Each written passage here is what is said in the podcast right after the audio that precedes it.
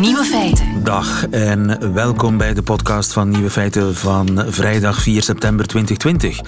In het nieuws vandaag dat er vijf soorten kattenliefhebbers zijn vastgesteld. Het is ontdekt aan de Universiteit van Exeter in Engeland. Ze hebben aan kattenbazen hun mening gevraagd over het buitenlaten van hun kat en zo kwamen ze tot vijf archetypes. Het strengst is de gewetensvolle verzorger die erkent dat zijn of haar kat een impact heeft op de biodiversiteit en zal die minder snel buiten laten. Een stapje verder is de tolerante beschermer. Die vindt het niet leuk dat de kat jaagt, maar tolereert het. Midden in het spectrum vind je de bezorgde beschermer. Die focust eerder op de veiligheid van de kat. Aan de vrijere kant staat dan weer de vrijheidsstrijder. Ook die erkent de impact van de kat, maar vindt dat katten geen restricties opgelegd mogen krijgen. En tenslotte is er de laissez-faire huisbaas. Die heeft geen besef van de impact van het jachtgedrag van zijn kat. Enfin, kort gezegd, de Nobelprijs Psychologie is binnen. De andere nieuwe feiten vandaag. Wat is er mis met de naam Vivaldi voor de in de stijger staande regering? Sander van Hoorn zat deze zomer in een quarantaineloop. Een Franse journalist ging undercover bij de Parijse politie. En hip-hop is niet altijd een mannenzaak geweest. De nieuwe feiten van Nico Dijkshoorn, u hoort ze in zijn middagjournaal. Veel plezier. Lieven van den Houten. Nieuwe feiten. Radio 1. Alright, wordt het nu Vivaldi of Avanti? De nieuwe regering is nog niet eens gevormd of er is al ruzie over de naam. Ivan de Vadder, goedemiddag. Dag lieven. Ik heb nog een suggestie. Ja? Ja, als ze met acht partijen zijn, kan je er een octopus van maken. Octopus, wel, wel angstaanjagend. Hè? is niet bepaald lief, een octopus. Ja, maar het beeld klopt wel. Blijkbaar hebben die, uh, ja, die dieren uh, niet een soort centraal brein, maar zitten de, de, de hersenen een beetje verdeeld over de armen. En dus de beelden van de acht partijen, die elk hun eigen wensen in deze coalitie, zou je op die manier kunnen verbeelden. Het is maar een suggestie. Ja, het is maar een suggestie. Nu, uh, Vivaldi staat in de stijgers. Vivaldi, dat is paars-groen met CD&V. Maar niet CDH. Eigenlijk moet je CD... zeggen vier oh, ja. politieke families. Just. Nu, maar de CD&V dringt al een paar dagen aan op een omdoping van ja. Vivaldi naar Avanti. Ja. Nu, zijn er geen belangrijkere dingen om te bespreken? Um, het gaat, regeringsvormingstafel? Het gaat hier om politieke marketing, in, in dit geval, heel duidelijk. Um, Vivaldi is een bezwaarde term, is ooit... Um, Wat is er mis met Vivaldi? Ja, Vivaldi is een coalitie zonder de N-VA in de CD&V heeft heel lang, namelijk 460 dagen ongeveer, aangedrongen op een coalitie met de N-VA. En dus moet je eigenlijk... Het is eigenlijk de coalitie die de CD&V niet wou. Ja, en waar ze nu wel instapt. En om dat te doen vergeten, um, kan je aan politieke marketing doen. En bovendien heeft de naam Avanti ook nog, je weet het, Avanti Popolo, uh, ja, Populi liever. Ja, dat is communisten. Vooruit, ja, ja dat, maar het is eigenlijk vooruit, vooruit met de geit. Uh, geen gedraal meer, het is tijd, we, we, moeten gaan. En die twee componenten zitten erin. De vorige naam Doen Vergeten, want die is ooit ontworpen door Georges-Louis Boucher, de voorzitter van de MR. Is hij de uitvinder van ja, de term? hij is de uitvinder van de term Vivaldi, de vier jaargetijden. Heeft ook wel iets frivols, hè? Ja, heeft iets frivols en je ziet die kleuren. Vroeger heette het in, in het Frans l'arc-en-ciel. Uh, waar wij paars-groen zeiden, zeiden zij arc-en-ciel. Dus al die regenboog. kleurtjes, een regenboogcoalitie. Uh, maar goed, in het Nederlands heeft dat nooit gewerkt. En, en dus die arc-en-ciel werd plotseling Vivaldi met de muziek erbij en, ja. en de frivoliteit. En misschien zijn de Franstaligen gevoeliger voor frivole namen. Vinden wij dat al gauw uh, ongepast voor een regering? Oh, dat denk ik niet. Ik denk dat zij gewoon. Kijk, we, we hebben andere um, gewoontes. Uh, de Franstaligen hebben heel lang bijvoorbeeld alle staatshervormingen met de naam van een heilige um, herdacht. De Sint-Michielsakkoorden. Juist. Ja. Uh, het zijn maar- allemaal Franstalige uitvindingen. Dat waren toen, zij deden dat heel consequent. Elke ehm, staatshervorming kreeg de naam van de heilige van die dag. En daar werd dan op den, duur, op den duur door de journalisten ook naar gekeken van Ah, ja. welke dag zijn we vandaag? En dan worden het de Sint-Michielsakkoord. En de Vlamingen namen die En namen wij namen dat maar gewoon over. dat bekte eh, goed. Maar evengoed heb je eh, ooit, ehm, ook op verschillende momenten, plaatsnamen gehad. Je had het Sint-Anna-plan. En dat was niet de heilige, Egmontakkoord. Maar dat is in Hertoginnedal. Het kasteel van Hertoginnedal heeft een Sint-Anna-priorij. En dat is daar. Stuivenbergakkoorden. Stuivenbergakkoorden. Eh, minder bekend, eh, Les Accords du Lombard. Eh, Lombard, de Lombardstraat in, in Brussel, is, is een klein akkoord waar ook het Franstalige onderwijs toen Ja. vooral van geprofiteerd heeft. Maar was een, een, een onderdeel van een staatshervorming. Maar dan, dat is allemaal prachtig, maar dan staan we eigenlijk ver van de politieke marketing. Dat is gewoon, het kind moet een naam hebben. Het is gewoon praktisch. Ja, maar je hebt, je hebt ehm, en laten we zeggen, je hebt die politieke marketing. Avanti is daar een, een mooi voorbeeld van. Eh, een, een ander voorbeeld was de Zweedse coalitie. Is dat ook marketing? Dat was marketing, omdat daarvoor heette het de kamikaze-regering. En dat is natuurlijk geen mooi beeld. Dat was een Franstalige uitvinding. Ja, omdat het idee was, de MR als enige Franstalige partij stapt in die regering. Dat is een kamikaze-opdracht gewoon. Dat gaat nooit lukken. Is wel gelukt, maar goed, het is slecht afgelopen. Maar om, om ook dat idee te doen vergeten, werd dan het idee van de Zweedse regering bovengehaald. Ja, Ik leg Zweden even uit, de Zweedse vlag? Ja. blauwe achtergrond met een geel kruis. Kruis staat voor de Christen-Democraten en de gele kleur voor de nationalisten. En je had plotseling de Zweedse regering om die kamikaze te doen vergeten. Dus Ja, en Zweden heeft ook iets positiefs als lading. Het uh, serieus Scandinavisch, land. eh, Scandinavisch. eh, voilà. andere, eh, Wie heeft dat er trouwens uitgevonden, de Zweedse coalitie? Ik, ik weet het niet exact. Ik denk dat het bij de NVA gebeurd is, dat het daar in die hoek gebeurd is. Trouwens, ehm, dat mechanisme, we hebben al heilige plaatsnamen gehad. Vlaggen is ook een mechanisme. De Arizona-coalitie, dat is even die poging geweest van die twee liberale partijvoorzitters om zonder de PS dan een coalitie te smeden. Die kreeg de naam Arizona, omdat in de vlag van die Amerikaanse staat zijn net al die kleuren vertegenwoordigd Ja, die je dus- nodig hebt om die coalitie eh, te maken. Paarscheel met CD&V. Ja, eh, Dat was het ongeveer, ja, ik zou al de kleuren moeten samenstellen, maar het wordt dus ingewikkeld. Maar goed, dat is dus politieke marketing. Maar je hebt dus ook de pers natuurlijk. De pers wil ook ehm, een naam geven. Bijvoorbeeld die heiligen is wat de pers makkelijk deed. Ehm, de, het vlinderakkoord. Een staatshervorming die gemaakt werd door onder leiding van Elio Di Rupo met acht verschillende partijen, waarvan sommige later in een regering zijn terechtgekomen en andere niet. En je voelt meteen, dat is ook wat er De bij Vivaldi is. van- Ja, je moet als, als journalist dan plotseling elke keer uitleggen, het staatshervormingsakkoord dat ze onder leiding van Elio Di Rupo met acht verschillende partijen, waarvan er een aantal in de regering. En dus maak je een soort containerbegrip. En dat ergert ook mensen. Hè. We krijgen heel vaak reacties. Vivaldi en Avanti, en wat is het nu eigenlijk? En wat, wat, wat betekent dat?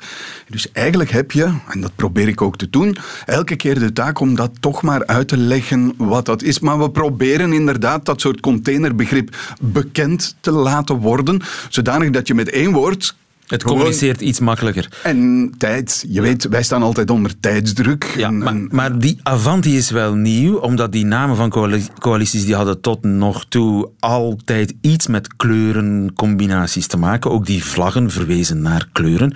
Nu hebben we het echt over marketing puur sang. Ik bedoel, Avanti, het zou de Fiat Avanti kunnen zijn. Ja, Avanti vooruit. Maar natuurlijk, tegenstanders gaan dan meteen op zoek naar alle mogelijke connotaties. En ze vinden er twee in de extreme. Avanti communisten, rood. Wat misschien niet zo geslaagd is van de CD&V om die associatie op te wekken. Maar Avanti was ook het tijdschrift dat Mussolini die ooit veranderd is van, laat maar zeggen, socialisme naar fascisme, ehm, gebruikt heeft. Dat was zijn tijdschrift, daar was hij eh, hoofd, of zijn krant, daar was hij hoofdredacteur van. Dus ook die associatie is misschien niet zo geslaagd. Ja. En je voelt dus dat, oké, de marketing... We weten eigenlijk niet of het zal aanslaan. Maar We mijn weten- vraag is eigenlijk, wie bepaalt dat? Wie bepaalt dat? Jij Dit toch is- ook mee? Jij wordt gevraagd eigenlijk om het woord Avanti te gebruiken. Ja, dit is echt door de partij. Je moet maar eens kijken op sociale media. Het interview van de voorzitter Joachim Koens was Interzaken rond 8 uur. Vanaf half negen vind je op alle sociale media van de CDMV posters en, en memes en, en met in grote letters Stop de stilstand, avanti, uh, we moeten vooruit gaan, geen gedraal meer. En dus voel je heel sterk, dit wordt vanuit de communicatie van een partij naar voren gebracht met de bedoeling om die naam eigenlijk echt wel te smeden en te laten kleven op die regering. Alleen is het de geschiedenis die bepaalt welke uh, uiteindelijk zal overleven. Het is de Zweedse geworden de Zweedse regering, en niet die kamikaze-regering. Dat heeft een paar maanden heeft dat, ja, heeft dat gewerkt, maar uiteindelijk spreekt nu iedereen, wanneer je op een heel korte manier wil aanduiden dat het over de regering Michel ging, spreekt over die Zweedse regering. Ja, dus stel dat ze er komt. Ja. Stel dat ze er komt, wat zeg jij, Ivan de Vadder? Uh, voorlopig ga ik zeggen uh, een regering met vier politieke families. Omdat ik het toch nog altijd belangrijk vind om aan te geven wie daar allemaal deel van uitmaakt. Of een regering waar de NVA, vier politieke families, waar de NVA geen deel van uitmaakt. Dat zijn namelijk de twee belangrijke componenten, die vier politieke families. En aan Vlaamse zijde toch de opvallende keuze dat de NVA, de grootste partij in Vlaanderen en van het land, daar geen deel van uitmaakt. Ja. En ik maar denk dat ik duur zal je toch een naam moeten hebben. Ja, maar ik Maar je draagt daar als journalist ook een verantwoordelijkheid in. Als één partij oh, in, in, een soort van marketingcampagne zegt wij willen avant dan sta je toch als journalist voor de keuze, stap ik daarin mee of niet? Ja, je staat daarin voor de keuze. Misschien zal ik dat af en toe eens gebruiken, maar ik heb niet de indruk dat op dit moment de naam Avanti is degene die, die we allemaal zullen gebruiken. Dus laat de geschiedenis of laat de tijd maar zijn werk doen en zien welke overleeft. En dat wordt dan vrij snel duidelijk. En dan passen we ons allemaal mooi aan. Je weet, het beeld is vaak gebruikt, uh, en het was, stond ooit in een boek van, van Karel de Gucht, de pers, dat is eigenlijk een, een, een zwerm spreeuwen. Hè? Als die naar links gaat, dan gaat heel die zwerm mee. Als die naar rechts gaat, gaat heel die zwerm maar eigenlijk kan je niet aanduiden, net als bij een zwerm spreeuwen, welke spreeuw bepaalt nu eigenlijk dat er naar links of naar rechts, of vooruit of onderuit wordt gegaan. Dat is een soort gevoel en dat leeft heel sterk bij dit soort mechanismen. Welke naam gaan we nu allemaal kiezen? Ja, dat zal ontstaan en dat zal overleven. en dan blijft dat en dan staat dat in de geschiedenisboeken. Dat zoiets belangrijks uiteindelijk door een soort van ja, magisch toeval. Nee, een menselijk mechanisme, een soort groepsgevoel. Daar zit een doctoraat in volgens mij. Ja, denk ik ook. Dankjewel, Ivan de Vader. Goedemiddag. Nieuwe feiten.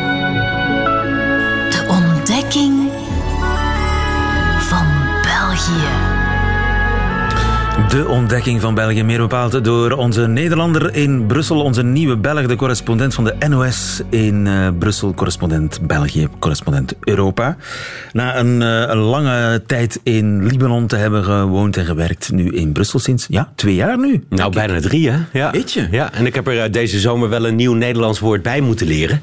Een nieuw Nederlands woord? Als Nederbelg. Zijn de? De quarantaine loop. De quarantaine loop. Dat is een nieuw woord voor mij. Wat, Zat jij daarmee met een... Je, je komt er niet uit. En ik ben niet de enige hoor. En ik zeg Neder-Belgen. Maar Hoe was je vakantie? nou ja, puzzelen dus. En ik bedoel, ik, ik, ben, ik ben niet de enige. En Neder-Belgen zijn niet de enige. Ik las net in het nieuwsblad dat uh, Belgen in Spanje zich boos maken. Dat het daar opeens code rood is.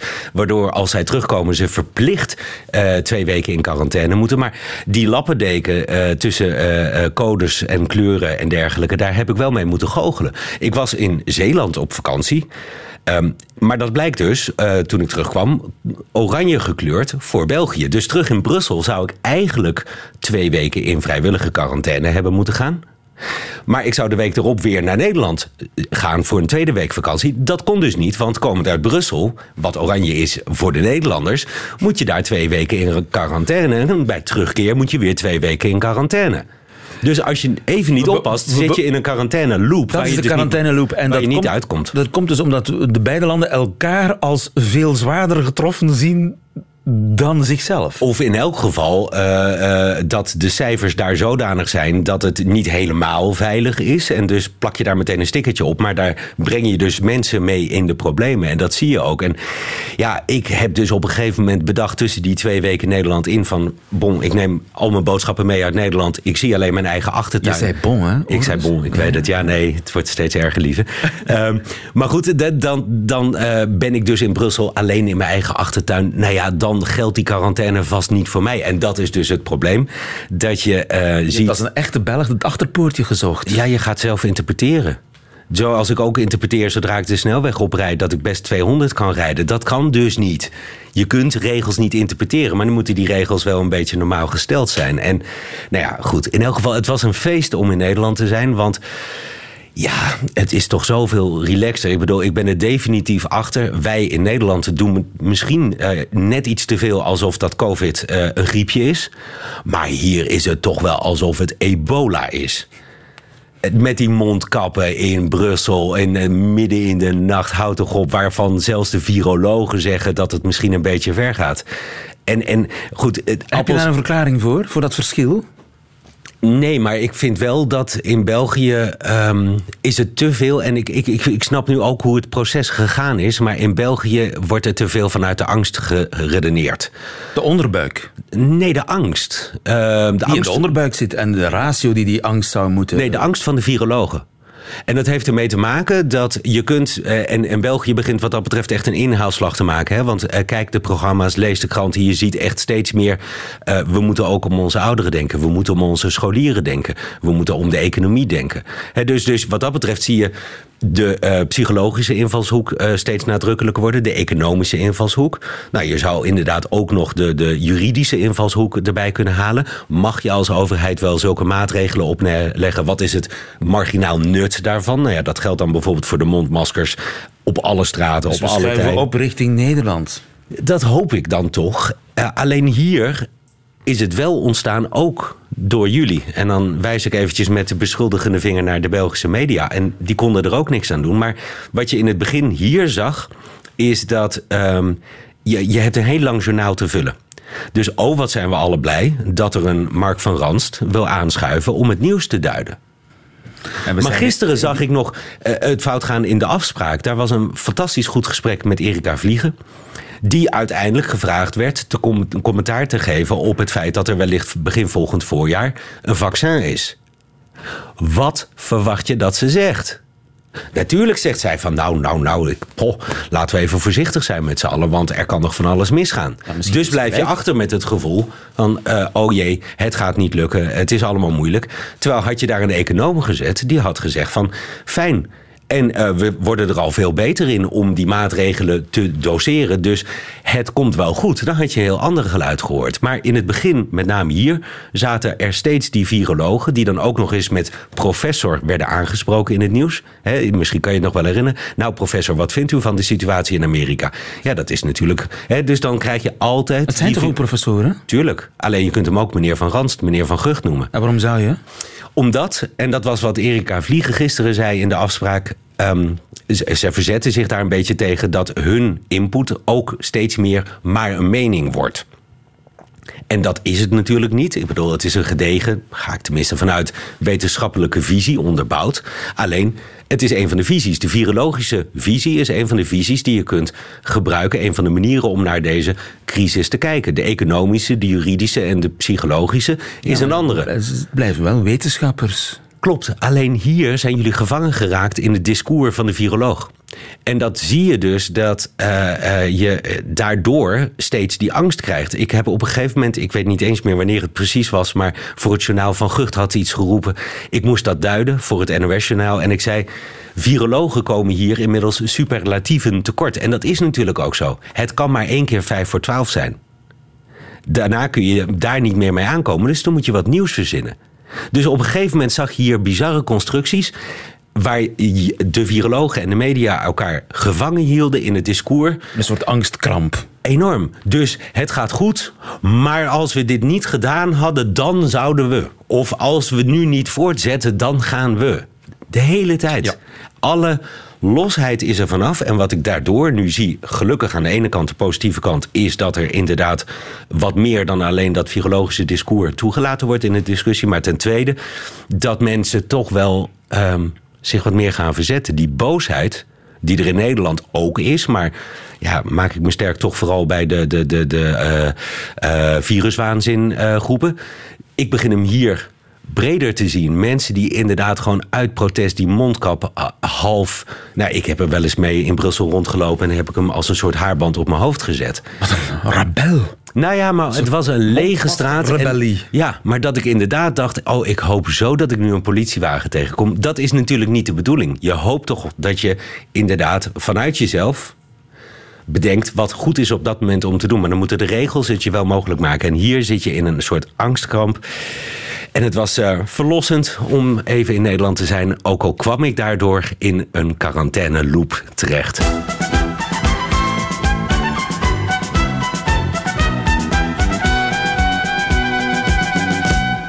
Ik besef, luisteraars, dat ik hier nachtmerries over gehad heb. Heb jij nachtmerries gehad? Ik heb over nachtmerries het- gehad over die besmuikte lach die verschijnt op jouw gezicht op het moment dat je die tune start. Het, het, het, het, leedvermaak vooraf. Je gebruikt het woord bon Ja. in spontane conversatie, dus dat levert al een bonuspunt op. Dat om jou gerust te stellen. Het trekt op niets. Het loopt op niks uit. Het slaat nergens op. Het slaat nergens op, gaat al een beetje. Het, het loopt, het trekt op niets, is gewoon. Het, het is lelijk, het, het is fout. Het Oh trekt ja? op niets. Oké, grappig. Het trekt op niet veel. Oké. Of waarop trekt dat nu? Waar lijkt dat nu op? Oké. Oké. Lijkt, het, het, het- ja, het slaat nergens op. Ongeveer, maar het is echt gewoon afzichtelijk lelijk. Het is fout. Trekt op niets. Oké. Regels.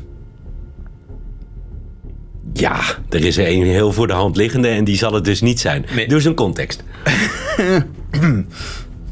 Geslachten. Hé, wat? Ja. Geslachten. ja.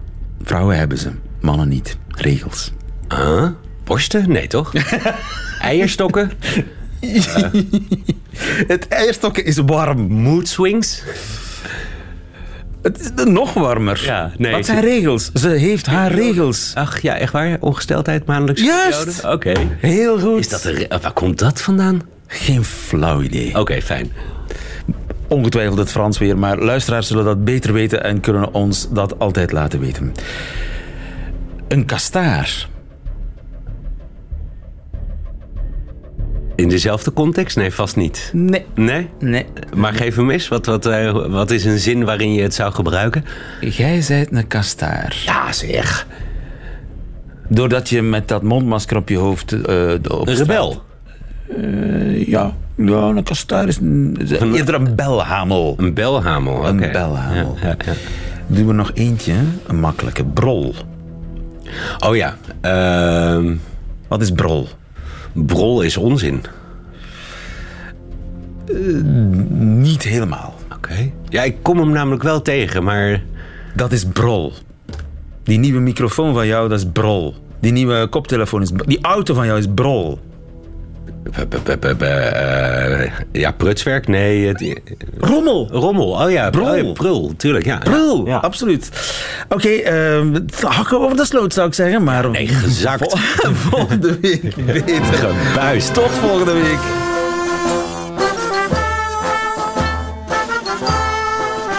Radio 1. Nieuwe feiten. Ik ga niet meekwissen, zei Frank Renaud net tegen mij. Goedemiddag, Frank Renaud, onze man in Parijs. Goedemiddag. Goedemiddag. Mag ik jou toch nog één eh, taalvraagje voorleggen? Wat is een flik? Een flik is een, eh, een, wat je in het eh, Frans flik noemt en in het Belgisch flikken en in het Nederlands smerus. Smeris. Eh, en daar gaan we het met jou over hebben, want er is een ja, aangebrand boek verschenen in Frankrijk over flikken. Precies, net verschenen inderdaad. Ja. En een boek dat heel veel ophef doet, eh, veroorzaakt hier in Frankrijk. Omdat er nog wel een boekje wordt opengedaan over de werkwijze van de flikken, de fliek, de agenten in Frankrijk inderdaad. Ja. Het is een undercover boek. Hè? Het is iemand die zich undercover als flik heeft aangemeld. Ja, het gaat om een 32-jarige journalist, Valentin Gendreau. Hij is bekend in het genre. Hij heeft al vaker van dit soort operaties gedaan. Undercover bij een supermarktketen heeft hij het bijvoorbeeld gedaan. Hij heeft er een boek over geschreven, documentaires voor televisie. En nu inderdaad bij de politie. Hij meldde zich in september 2017 aan bij de Franse politieschool. Kreeg toen een ultrakorte opleiding, beschrijft hij zelf. Drie maanden. Mocht toen met zijn wapen de straat op. Ging eerst aan de slag in Parijs bij een soort psychiatrische verpleegafdeling van de politie daar. Maar daarna werd hij gestationeerd waar hij wilde, bij een commissariaat ook echt in de stad, in Noordoost-Parijs. Dat was wat hij wilde en daar werkte hij van maart tot en met augustus 2019. Ja, in de banlieues, zeg maar. Nou, net niet. Het is nog wel binnen de ring, hè, dus het hoort nog echt bij Parijs. Het is een van de Parijse arrondissementen, dus nog net niet in de banlieue. En uh, zijn boek veroorzaakt heel veel ophef. Je zei het al, omdat daar uh, redelijk straffe verhalen in staan. Ja, nou, het is, echt heel opmerkelijk. Hij heeft het zelf echt over uh, heel veel voorbeelden. Nou, om één voorbeeld te noemen. De eerste dag dat hij op dat commissariaat in Noordoost-Parijs aan het werk ging. De eerste dag echt vertelde hij. Dan is een man die in de cel zit en die wil naar het toilet toe. Die man klopt of slaat op zijn deur dat hij op de cel moet. Dat doet hij 1, 2, 3 keer. Daarna wordt hij er door een agent in het commissariaat uitgehaald en gewoon geslagen omdat hij te veel herrie zou maken.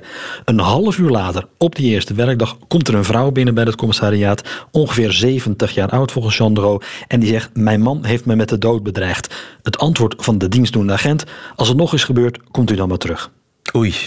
Dus misogynie, uh, uh, geweld.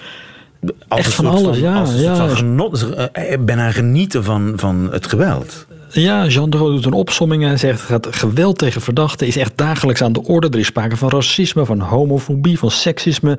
Veel agenten zijn ook helemaal niet goed opgeleid, zegt hij, om met heel specifieke zaken zoals huiselijk geweld om te gaan. En hij noemt een hele trits aan incidenten in dat boek. Om nog één voorbeeld te noemen. Hij gaat op een gegeven moment op patrouille. Hij is ook nog niet zo lang in dienst bij het commissariaat. Dan patrouille in een politiebusje met collega's. Een van de agenten in die auto komt op straat in conflict met een jonge migrant. Er worden klappen uitgedeeld daar. Agent wordt boos. Die migrant wordt meegenomen in dat busje. Dat busje rijdt helemaal Parijs uit, wat niet mag, want ze hebben een district waar ze moeten werken, dat ene arrondissement. Ze rijden naar buiten Parijs, zo'n banlieue in die je net noemde, stoppen daar. De journalist die wordt buiten het busje op wacht gezet. Hij moet kijken dat er niemand in de buurt komt. En in dat busje krijgt de jongen vervolgens enorme klappen. De journalist hoort die migrant schreeuwen in dat busje. Daarna wordt die migrant eruit gezet en gewoon daar op straat achtergelaten. En het busje met agenten en de journalist rijdt weer terug naar dat arrondissement in Parijs. En de vraag is natuurlijk, eh, zijn dat incidenten of is dit ja, systematisch? Het is systematisch, zegt hij. Zegt dat het dagelijks aan de orde is, dit soort incidenten. Maar, zegt hij, het is wel een minderheid van de agenten natuurlijk die dat doet. Hè. Gewelddadig is, die racistisch inderdaad.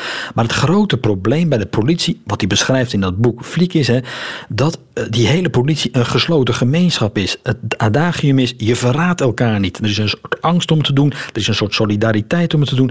Procesverbalen, die worden vervalst gewoon. Als er iemand bijvoorbeeld in hechtenis wordt geslagen door een agent, dan wordt het foutief bewust opgeschreven. Er wordt vaak niet vastgelegd of geregistreerd wat er gebeurt met mensen die in hechtenis zijn en soms zelfs in elkaar geslagen worden. Nee, collega's die verraden elkaar niet. Leidinggevenden houden hun mensen de hand boven het hoofd. En agenten voelen zich daardoor onschendbaar. Ze hebben het gevoel dat ze in Frankrijk kunnen doen wat ze willen, zegt deze auteur van dit boek. En zal dit boek daar iets aan veranderen, denk je? Nou, het komt wel precies op het goede tussen aanhalingstekens momenten. Want er is natuurlijk ook in Frankrijk een flinke discussie. Zoals je die bijvoorbeeld ook in Amerika hebt gezien over de Black Lives Matter. Over hoe politie optreedt tegen met een andere, mensen met een andere huidskleur ook. Maar ook tegen vrouwen, tegen homo's. Eh, noem maar op. En het valt wel precies op het goede moment.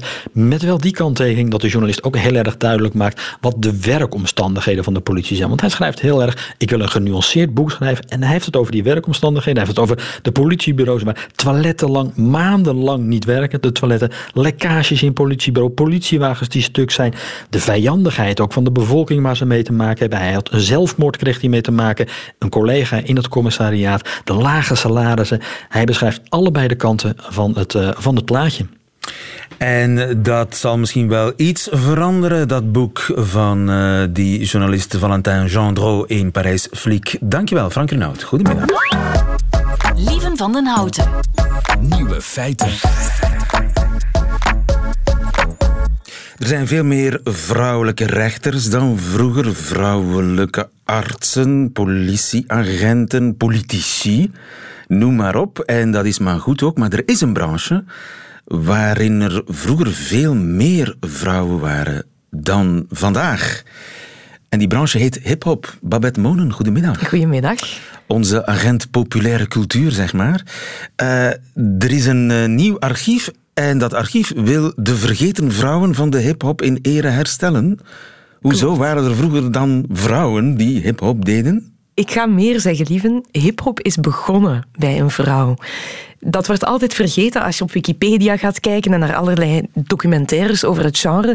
Dan wordt dat altijd gezegd. Het is allemaal begonnen bij de oprichting van Def Jam Records en bij twee heel iconische platen. De oerrapper was een rapster. Was een rapster en was een vrouw die meeschreef aan de twee oerplaten uh, die hip-hop gevormd hebben: The Message van Grandmaster Flash en uh, um, Rapper's Delight van Sugar Hill Gang. Dat klinkt zo.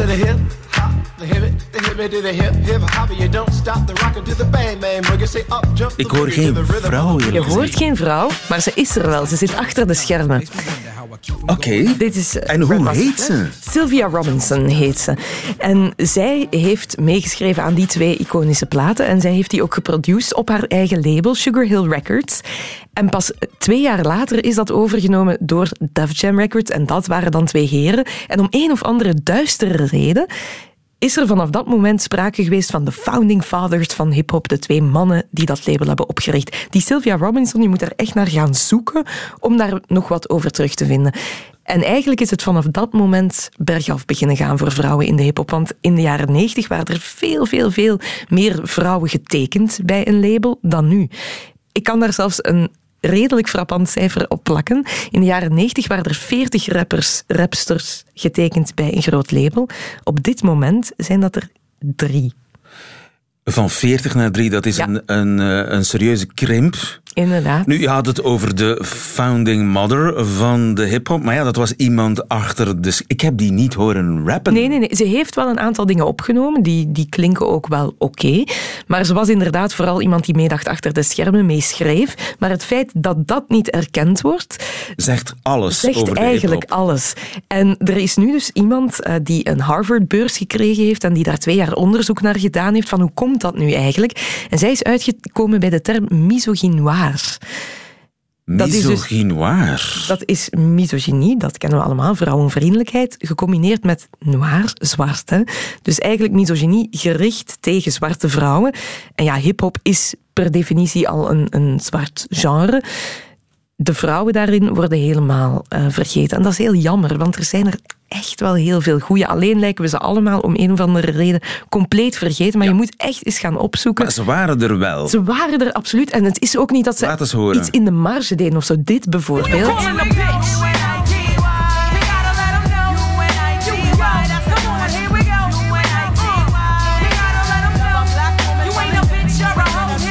Je hoort bitch en ho, dus je denkt, oh, typisch hip-hop. Maar ze zegt net van, ik wil geen bitch, ik wil geen ho genoemd worden. Ik ben Queen Latifah, zo heette ze. Queen Latifah heeft 60 miljoen platen verkocht. Dat is niet niks. Die heeft verschillende Grammys gewonnen. Dat is een vrouw die in de muziekgeschiedenis best wel wat betekend heeft. Maar op dit moment, kijk ook naar onze eigen playlist. Als wij nog classics draaien uit de hip-hop, dan is dat vaak Tupac, dan is dat vaak Notorious B.I.G. Hun tijdgenoot Queen Latifah, die klus nu bij als actrice en doet soms wat duistere reclamespotjes waarvan ik denk, moet dit nu echt? Dat is erg. Dus dat eerherstel dat komt geen dag te vroeg. Nu, je had het over misogynoir, eh, zwarte vrouwen, misogynie tegen zwarte vrouwen.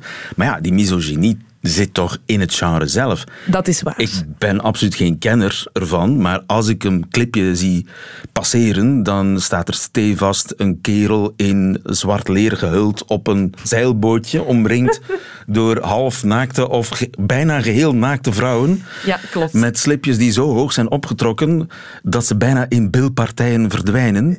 Dus die misogynie zit toch ook in het genre zelf? Die zit in het genre en die is er naarmate het genre verder vorderde ook meer ingeslopen. Als je opnieuw zou gaan luisteren naar die twee platen die we in het begin uh, beluisterd hebben, Grandmaster Flash en Sugar Hill Gang, je moet daar eens op letten. Daar komt geen enkele bitch of ho of whatever in. Dat gaat echt over een boodschap die ze willen meebrengen, dingen die ze op straat gehoord, beleefd hebben enzovoort. Daar is hip-hop eigenlijk mee begonnen. Met een, en vandaag is hip-hop, ik heb de langste. Ik heb de langste en vooral ook vrouwen zijn inderdaad heel vaak een object in de hip-hop. En dat wil, uh, wil dat archief nu veranderen. Zij willen eigenlijk van de vrouw die als object wordt voorgesteld en de vrouw die inderdaad in clips wat staat te twerken tegen de, de grote rapper aan, willen ze zeggen van kijk, we gaan dat eerherstel, we gaan daarvoor zorgen.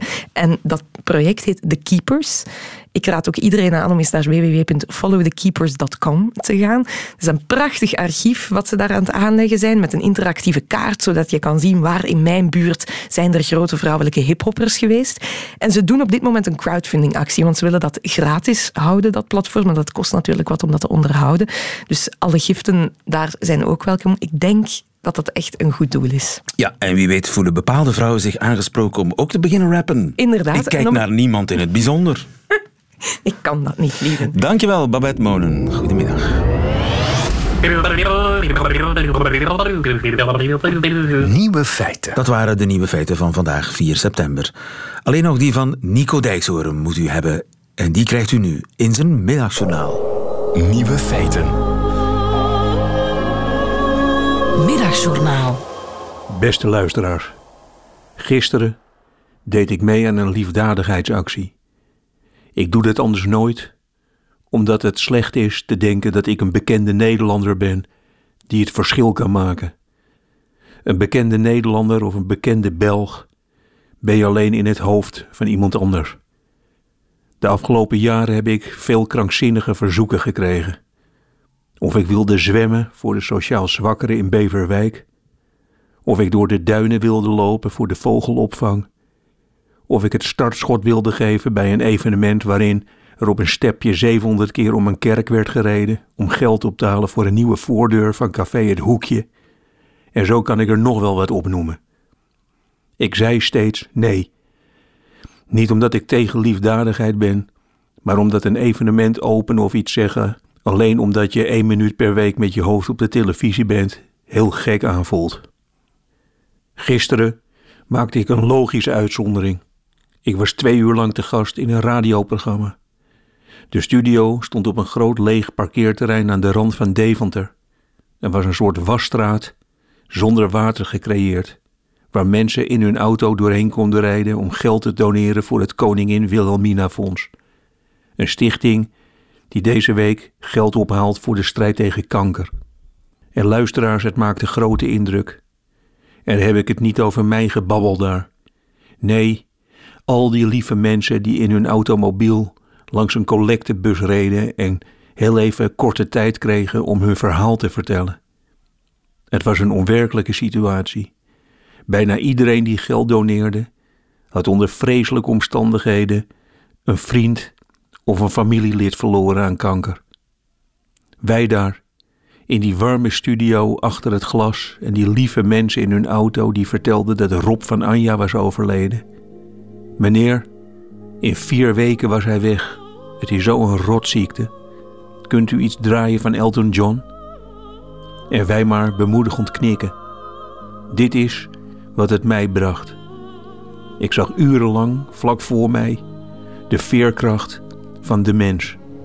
Een dierbare verliezen, in je auto stappen, geld doneren en daarna de kracht hebben om gewoon weer boodschappen te gaan doen voor je kinderen. Luisteraars, dat ontroerde mij enorm. Tot over enkele weken. Blijf gezond.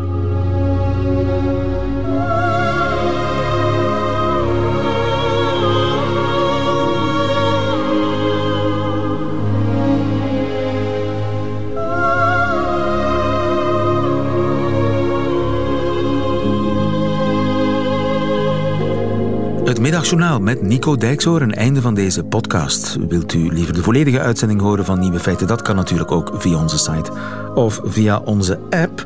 En daar vindt u nog veel meer fijne podcasts. Tot een volgende keer.